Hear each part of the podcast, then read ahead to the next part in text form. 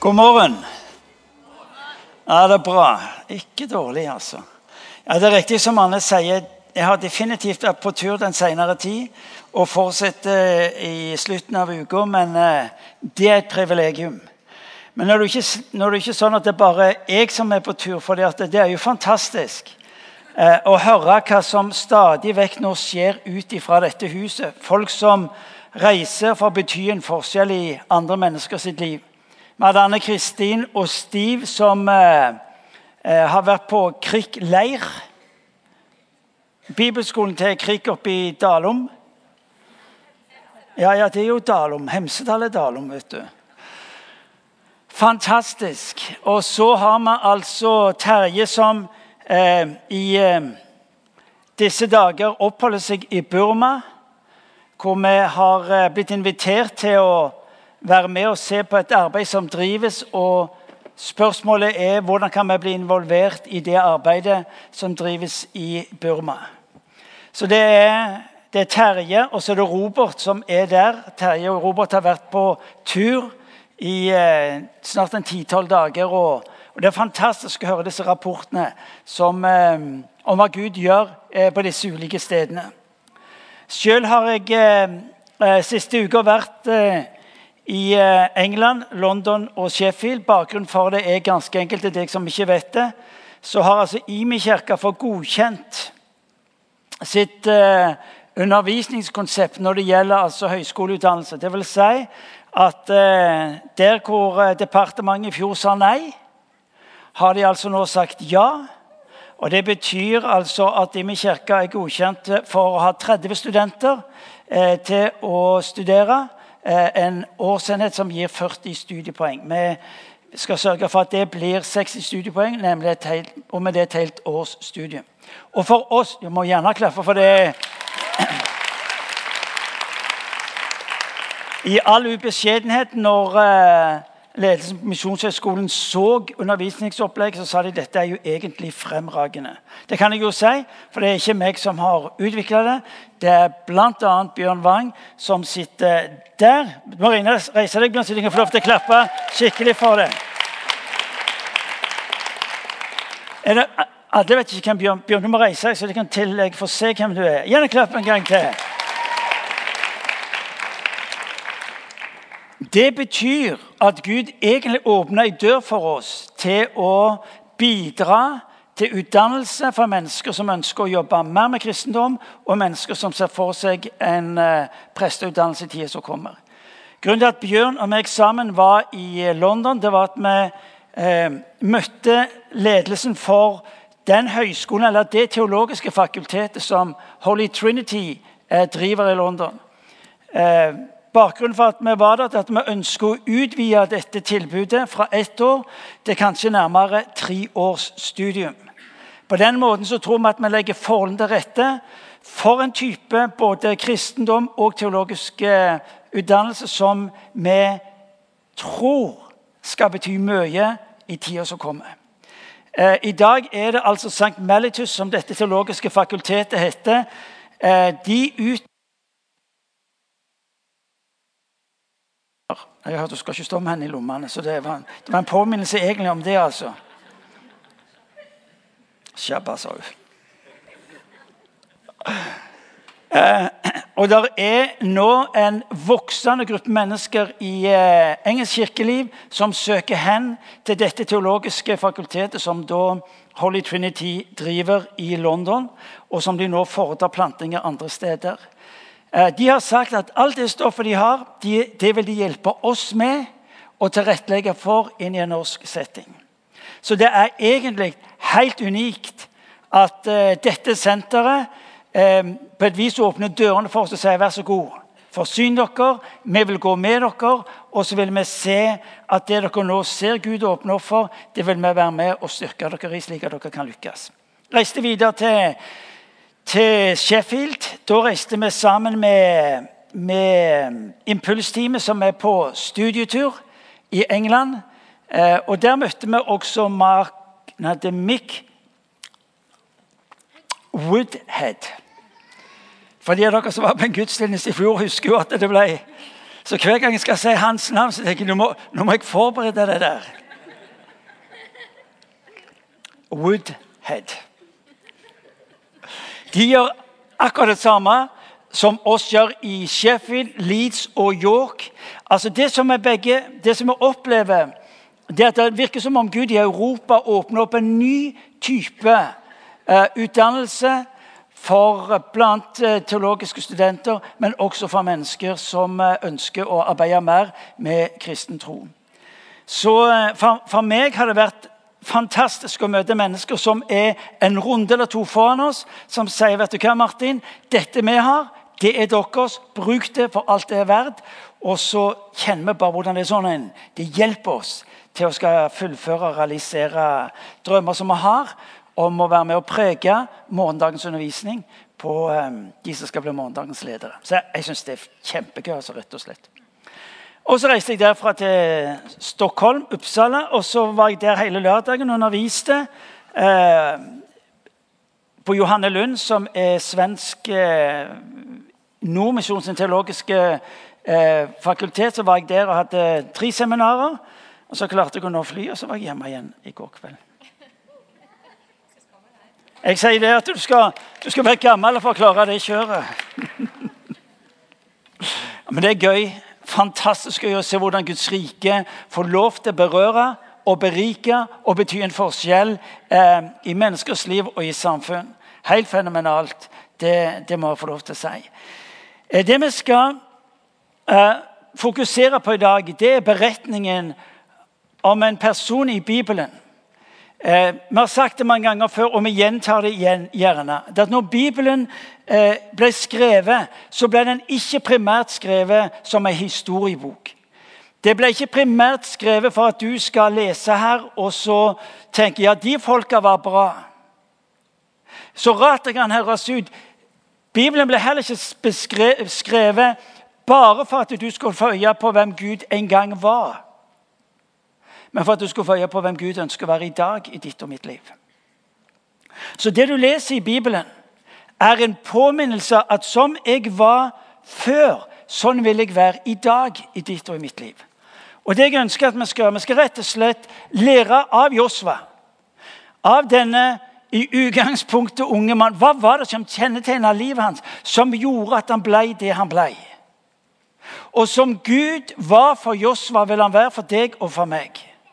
Hver gang du leser i Bibelen hver gang du, du leser i Bibelen om hva Gud gjorde i menneskets liv, så skal du få lov til å spørre Gud, hva betyr det i mitt liv. Hva betyr dette i mitt liv? Noen få nøkler som kan bety en forskjell for deg og for meg i vårt liv og i vår måte å skulle leve i denne verden. Eh, noe av det første jeg pleier å gjøre når jeg møter mennesker som har betydd noe, det er alltid å spørre dem fortell meg om din oppvekst. Fortell meg om hvor du kom ifra. Når du møter beretningene, når du hører om mennesker som betyr noe, gjør noe, så spør jeg alltid fortell meg, hvordan var din oppvekst. Hvordan var ditt liv før du ble sett, før du var synlig? Fordi at det er der du får øye på hva som egentlig var fundamentet for det de senere skulle bli. Det gjelder på det meste i livet. Jeg husker en gang jeg var så mektig imponert over Vet dere hva skiflyging er? 237 meter eller 241 meter det er det som er verdensrekorden. Der omkring.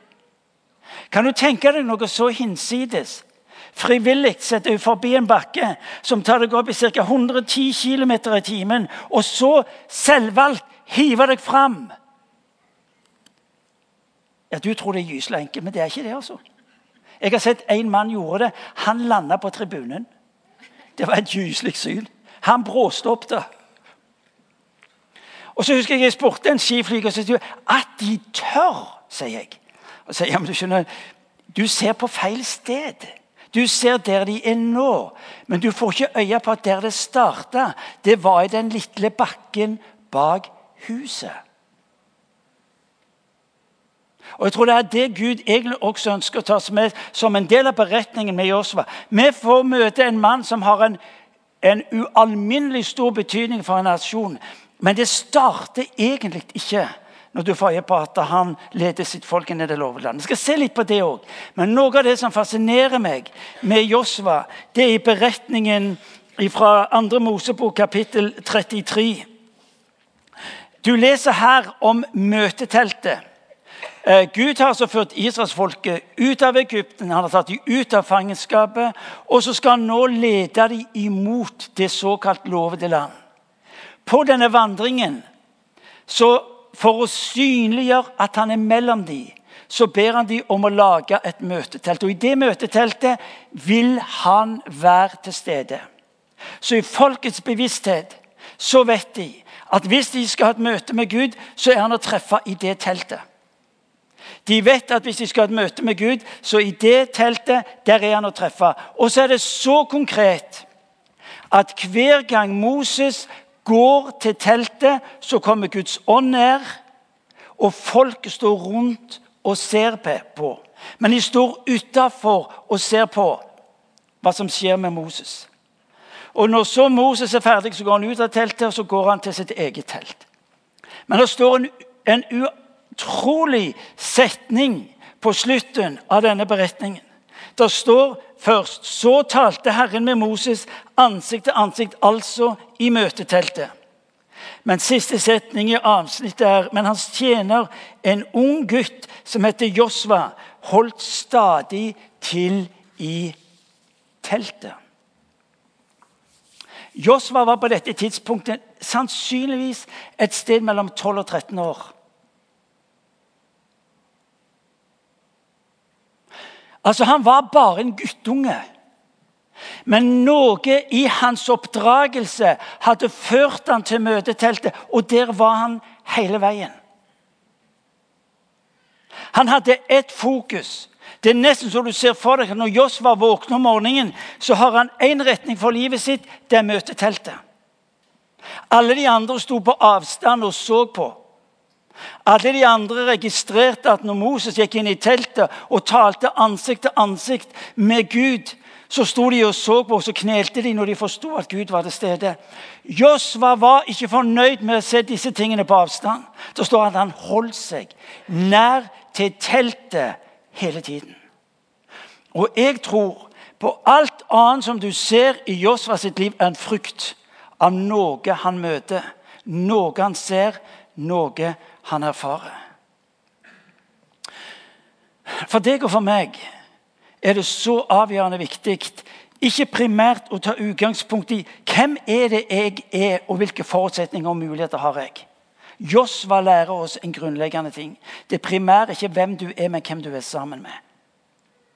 Det styrte Josva sitt liv som en 12-åring og som en 13-åring. Og jeg tror Hør, jeg tror det er noe av det viktigste du og meg kan få lov til å lære av våre unger. Dere som er foreldre og som fremdeles har unger, hør nå. Jeg tror Noe av det viktigste du gjør med ungene er å spørre hvordan kan jeg sikre meg at de holder seg nær til teltet, slik at de får se og høre og erfare den Gud som har sagt 'Jeg vil være blant dere, og jeg vil tale til dere'. Ehm, jeg tror det er noe av det viktigste vi gjør her i huset det er med vårt barnearbeid. Det er å hjelpe dere som er foreldre, til å hjelpe ungene. Josva var 12-13 år, men fra de er små og hele veien hjelpe dem til å få tak i at det er noe som er viktigere enn alt annet teltet. Stedet hvor jeg får møte med Gud, stedet hvor jeg får si han, høre han tale, erfare at han er Gud. Det den, den, av og til sier vi ja, den viktigste investeringen vi gjør med ungene våre, eh, vi har det, det vi gir til ungene våre. Dette er den viktigste investeringen du gjør i ungene dine. Jo da, Vi skal tenke utdannelse, vi skal tenke idrett, vi skal tenke you name it. Men det viktigste du gjør, det å lære av denne Josva hver dag. Var han ved teltet. Det var noe som drog han mot dette teltet fordi at han Hva var det han så? Han så Moseliv. Han så forvandlingen på Moses sitt liv når han gikk inn i teltet. Og når han gikk ifra teltet og, så skulle lede sitt folk Ung forsto Josva at det var en forbindelse mellom teltet og det livet som Moses levde. Og Så kunne jeg egentlig sagt punktum, så kunne jeg sagt nei. Men for at styret skal få noe igjen for lønna de gir meg, som kristen. litt til. Men får du tak i dette her? Josva som tolvåring, som tiåring Det var noe han så i Moses sitt liv, og han spurte hva er det med Moses som gjør at han kan leve dette livet som han lever. Og så følger han etter Moses, og så skjønner han Det har noe med teltet å gjøre. Det har noe med hvem han møter i det teltet. Det aner meg at når, når, når Moses gikk inn i teltet, så sto Josva på utsida, og, og, så hørte han etter. Han tjuvhørte uhøflig. Han brydde seg ikke.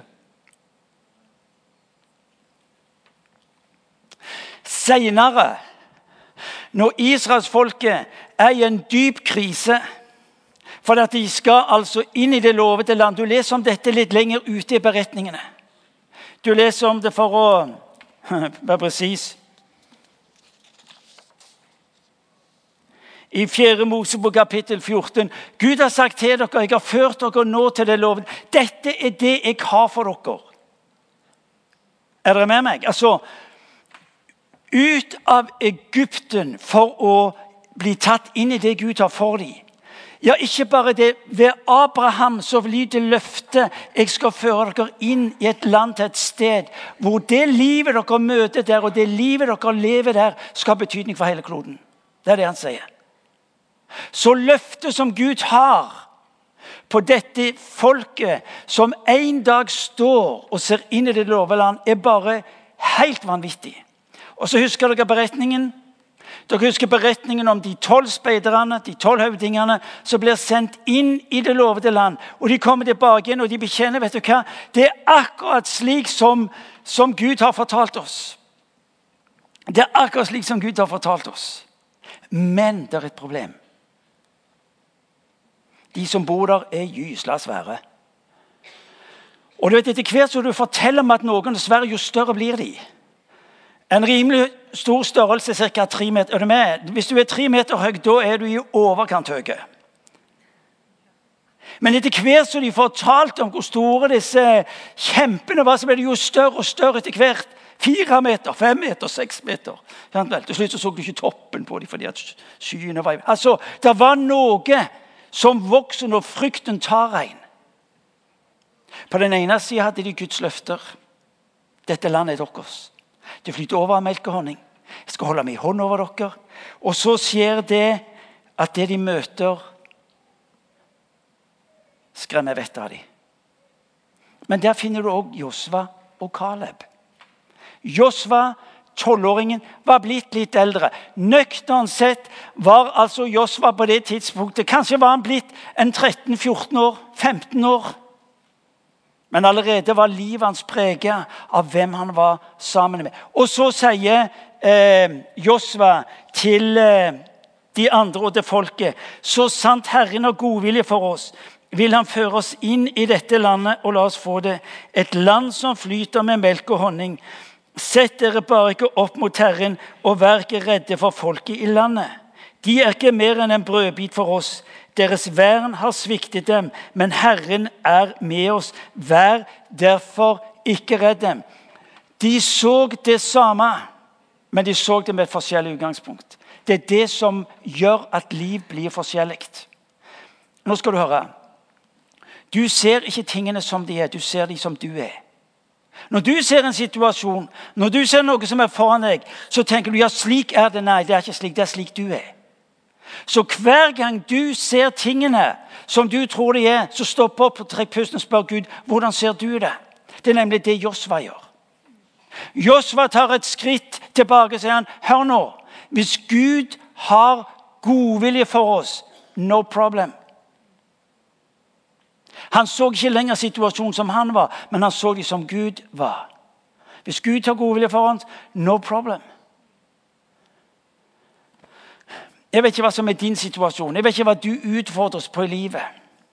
Men det vi lærer av Josva, det er at det møtet og den, den relasjonen han hadde fått lov til å ha med Moses som sin mentor og leder, tok han inn i en relasjon hvor han ser som Gud ser.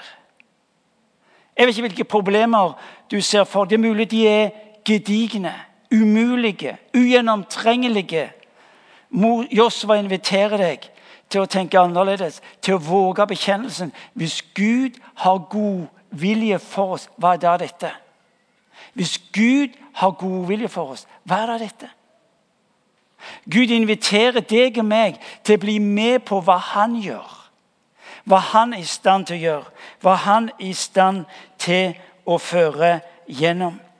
Hvordan kunne, hvordan kunne Josva si dette? Jo, fordi han en dag starta ved tempelet, ved møteteltet.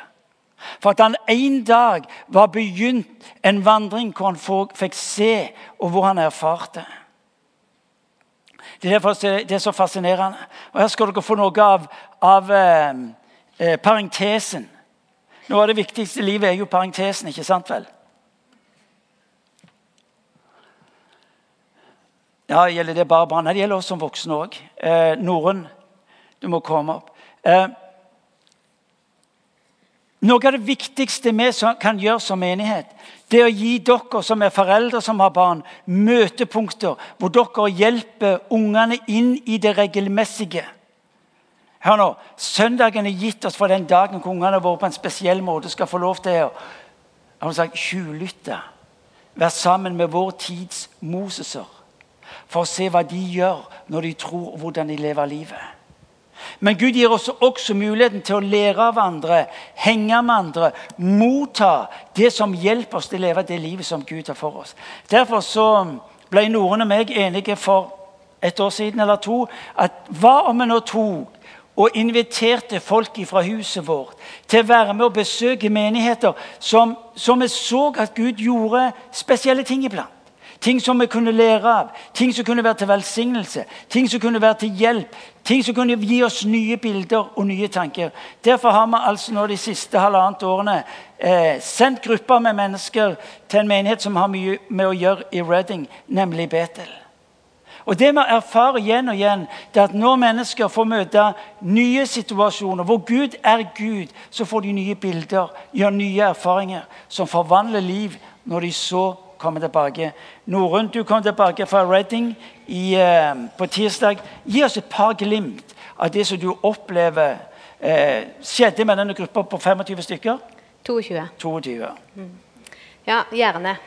Eh, vi har vært på en festreise. Vi har vært på en reise i tro.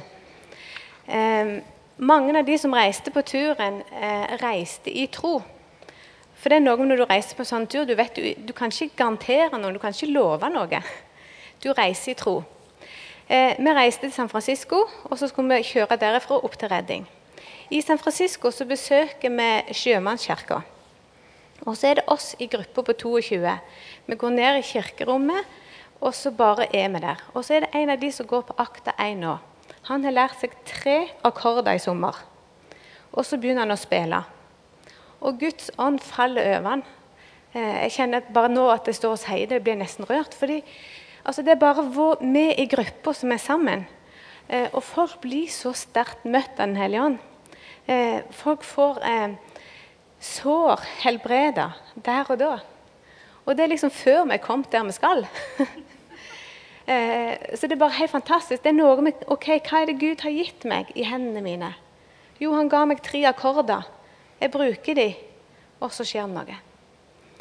Så reiser vi opp til Redding. Eh, på, vi kommer opp på lørdagen, og på søndagen er vi på gudstjeneste på kvelden. Eh, det er mye som skjer.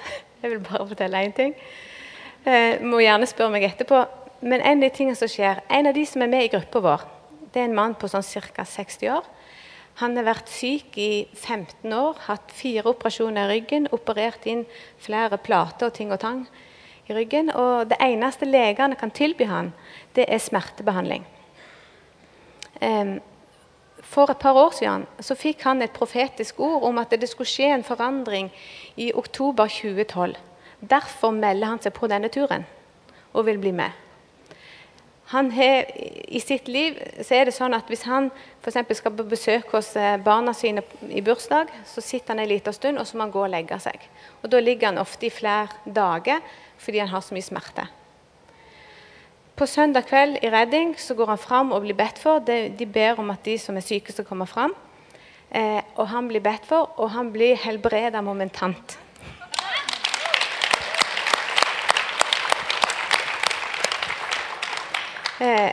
Og han, et, en ting er det at han blir helbredet momentant. For det er litt sånn at ok, når du ser en helbredelse, eh, varer det, eller hvordan er det? liksom? Men vi så fra dag én og helt til denne dag at her er det skjedd en forandring. For første gang på 15 år så er han ute og handler klær. For han har jo måttet hatt hjelp til å ta på seg klær. Og nå får han kjøpt sine egne klær og kjøpt gaver til familien sin. Så det er så mange, mange ting. Og det, etter denne turen så er det for meg blitt litt sånn at jeg, ja, nå er jeg vant med å, å se og høre om tegn og under hver dag. Ikke bare én gang eller av og til, men hver dag opplevde vi at det skjedde noe. Amen.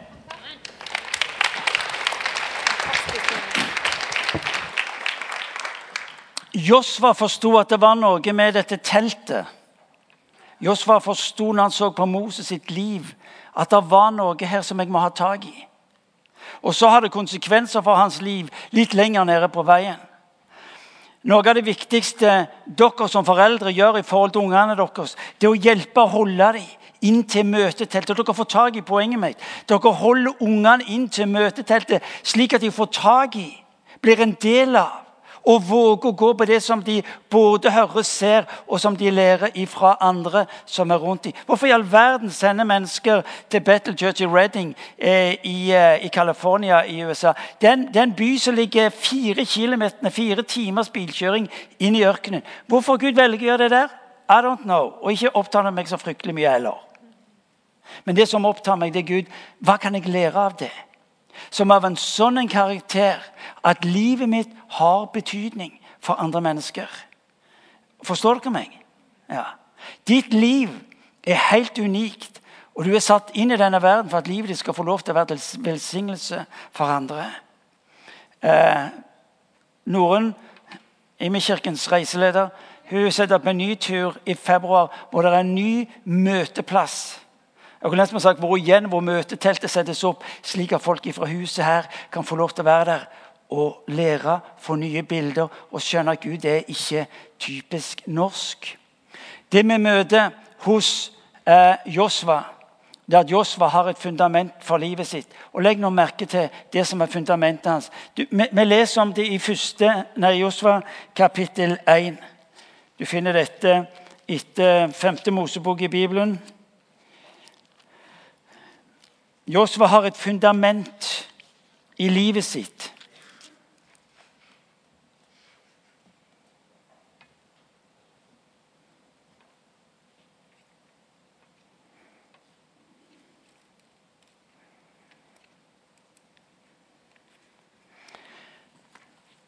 Han står altså alene nå.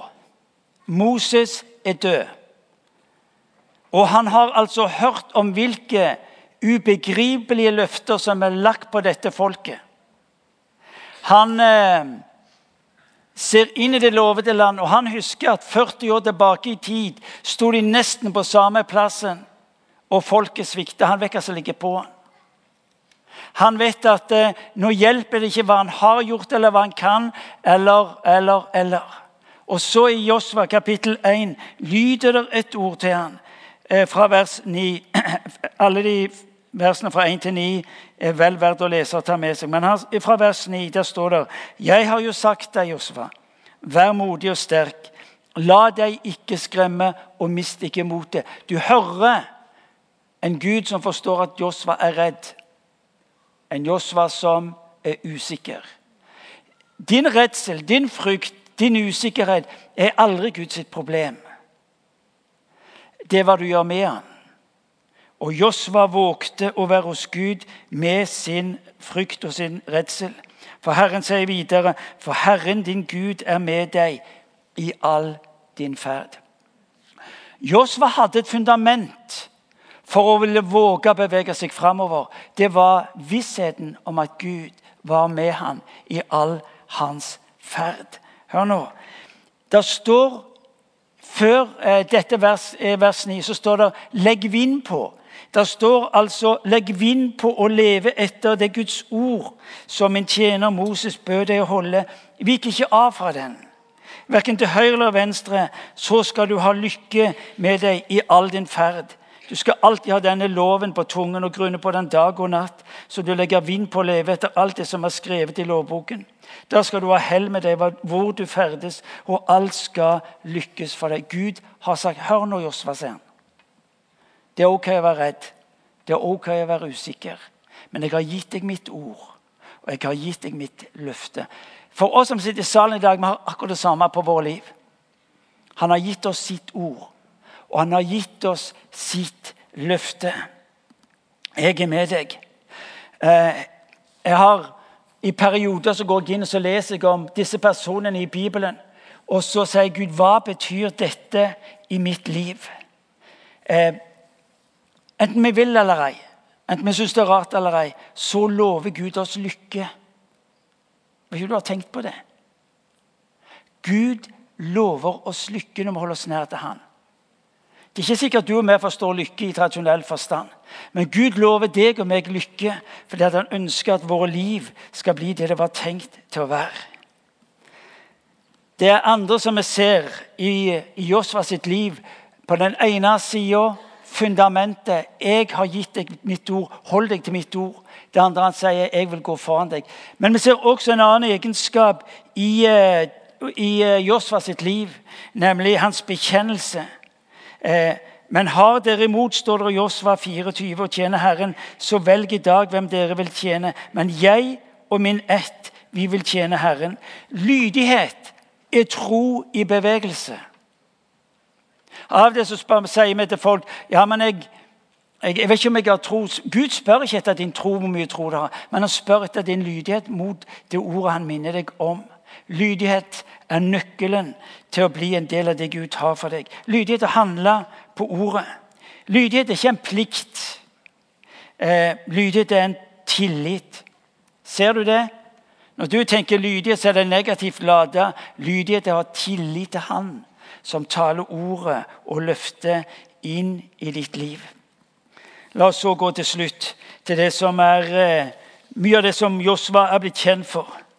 Josva står en dag eh, foran eh, Står ved elva og ser inn i det lovede land. Han er på et vis ved jeg kan nesten si ved sin eksamen. Og så demonstrerer han at han er under lederskap. Hvis du og meg skal lykkes inn i denne verden med våre liv, er det avgjørende at du og meg får lov til å være under Guds sitt lederskap. Vi leser i Josva kapittel 5, vers 13-15. Mens Josva var i nærheten av Jeriko, hendte det en gang da han så opp at han fikk øye på en mann som sto rett foran ham med løftet sverd i hånden. Da gikk Josva bort til ham og spurte er du en av våre, eller hører du til fienden. Mannen svarte nei, jeg er høvdingen over Herrens hær. Nå er jeg kommet. Da falt Josva på kne, bøyde seg til jorden og sa, Hva har min herre å si til sin tjener? Høvdingen over Herrens hær svarte, Ta skoene av deg, for det stedet du står på, er hellig. Og Josva gjorde så. Er du med oss, spør Josva, eller er du imot oss? Så er det som at det er sånn god dag med en økseskaft-svar nei. Er du for oss? Er du med oss, eller er du mot oss? Nei. Jeg, sier han, jeg er Herren, høvdingen over Herrens hær. Jeg er ikke på ditt team. Hør, Josva. Jeg er ikke på ditt team. Du er på mitt. Skal du ha innflytelse inn i denne verden, er det viktig at du og meg får tak i hvem som er på hvems team. Du er på mitt team eh, Josva. Eh, det er ikke din krig, Josva. Det er min. Spørsmålet har du, eh, er ikke hvem du er, har du hørt meg si noen ganger, men hvem du er sammen med. Spørsmålet er ikke størrelsen på dine problemer, men størrelsen på han som du er sammen med. Bibelen sier til deg og til meg, sett din vei i Herrens hånd og stol på Han, for Han skal gjøre det. Gud vet hva han vil. Gud vet hva han vil at du skal bli en del av. Han er til å stole på. Ja, kan det være at Josfa plutselig et øyeblikk tenkte ja, er han å stole på? Og så er det nesten som om Josfa tas tilbake igjen til møteteltet. Hvor han hørte, hvor han så livet til Moses. Og vandringen sammen med Moses gjorde at han vågte å tro på den Gud som Moses så tydelig hadde levd ut, og som Josva sjøl hadde møtt i møteteltet. Josva demonstrerer hva det innebærer å være under Guds lederskap. Lederskap hør nå, er å la seg lede inn i det Gud vil, og det han vil gjøre i og mellom oss. Kanskje er det slik at mange kristne går glipp av det rike livet fordi de egentlig ikke vågte. Kanskje hadde det noe med at erfaringene med Gud var noe som var fraværende i livet. Kanskje var det dette at det Gud sa i sitt ord, ga ingen mening. Kanskje var det dette at når han talte om å følge han, så valgte han heller å gå sine egne veier. Det Gud inviterer deg og meg til, det er egentlig å stoppe opp, lære av den unge Josva og si, 'Gud, la meg få lov til å se deg som du er'. Og så står det i, eh, i, eh, i 2. Mosebok kapittel 33 etter at vi har lest om at Joss var en ond sønn som stadig holdt seg til teltet. Og så lyder løftet. Moses, Moses sier, 'Jeg går ikke alene. Jeg kan ikke. Jeg tør ikke.' 'Hvis ikke du går med, så går jeg ikke.' Og så sier Gud til ham, 'Jeg selv skal gå med deg.' Og så bekjenner Moses igjen, 'Hvis ikke du selv går med, så la oss slippe å dra.' For hvordan kan jeg vite at du har godvilje for meg og ditt folk uten at du går med oss? Og så sier Herren til han, 'Jeg vil la mitt nærvær gå foran deg.' Så skal vi reise oss, og så skal vi be.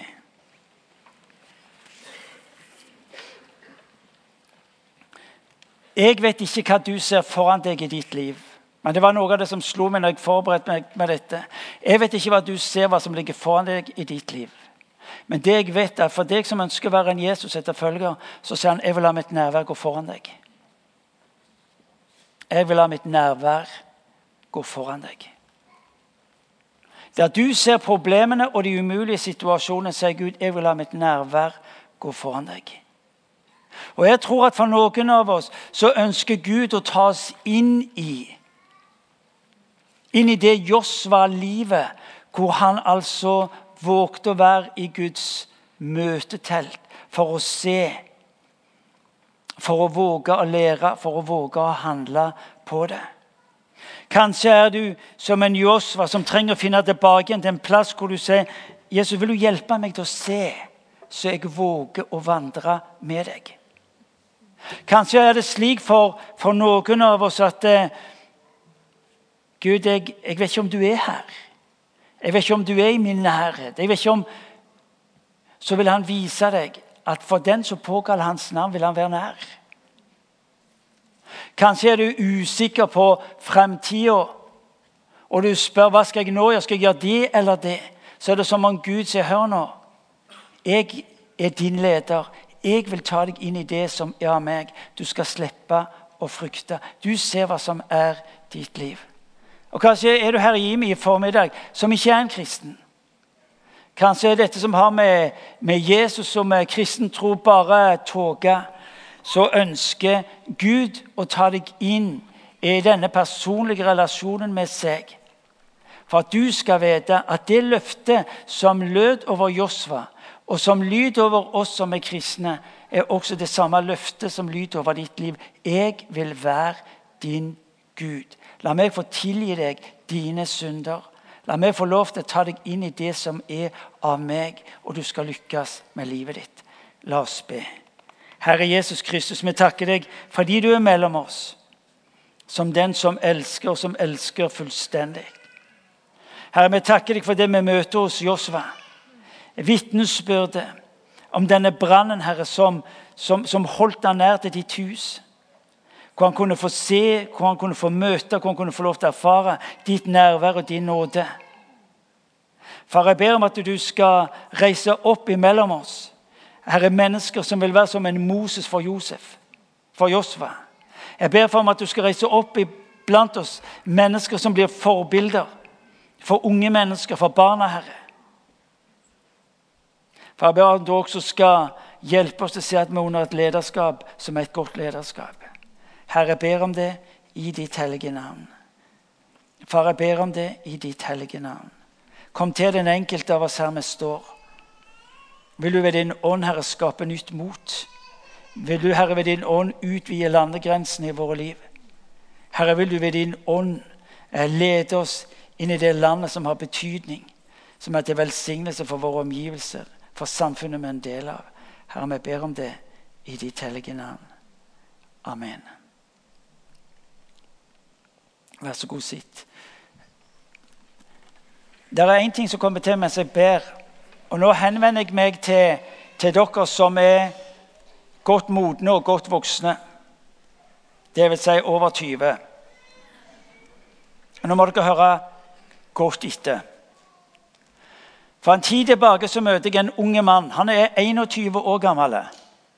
Og så sier han til meg, 'Martin, jeg savner en åndelig far i livet mitt.' Ja, hva mener du, sier jeg. Jeg skulle ønske at jeg kunne få lov til å treffe en som hadde levd med Jesus en tid. En som hadde erfart at Gud er god, og som hadde erfart at Gud var med han gjennom livet. Og Når jeg sitter og snakker med han, så spør jeg er det mange av dere som ja, Martin, det kryr av oss som leter etter åndelige mødre og fedre. Så sier jeg til ham, hva vil du jeg skal gjøre? Kan ikke du si til menigheten at det er mange av oss unge som ønsker å få lov til å ta til oss av det livet som de som har gått foran oss på veien, har. Og nå skal du høre til dere som sitter her. Jeg spør ikke om en ny jobb eller en ny tjeneste. Men denne menigheten har i dag egentlig flere hundre unge mennesker som leter etter åndelige mødre og fedre. Som de kan få lov til å treffe av og til. Som de kan få lov til å lære av. Som de kan få lov til å stille spørsmål til.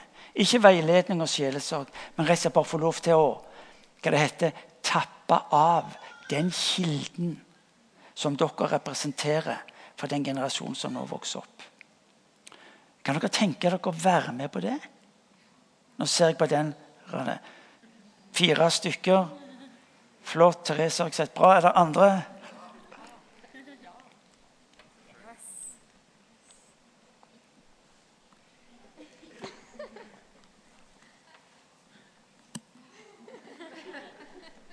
Da skal vi komme tilbake, og så skal vi ta det videre. Vi reiser oss alle sammen, så lovsynger vi.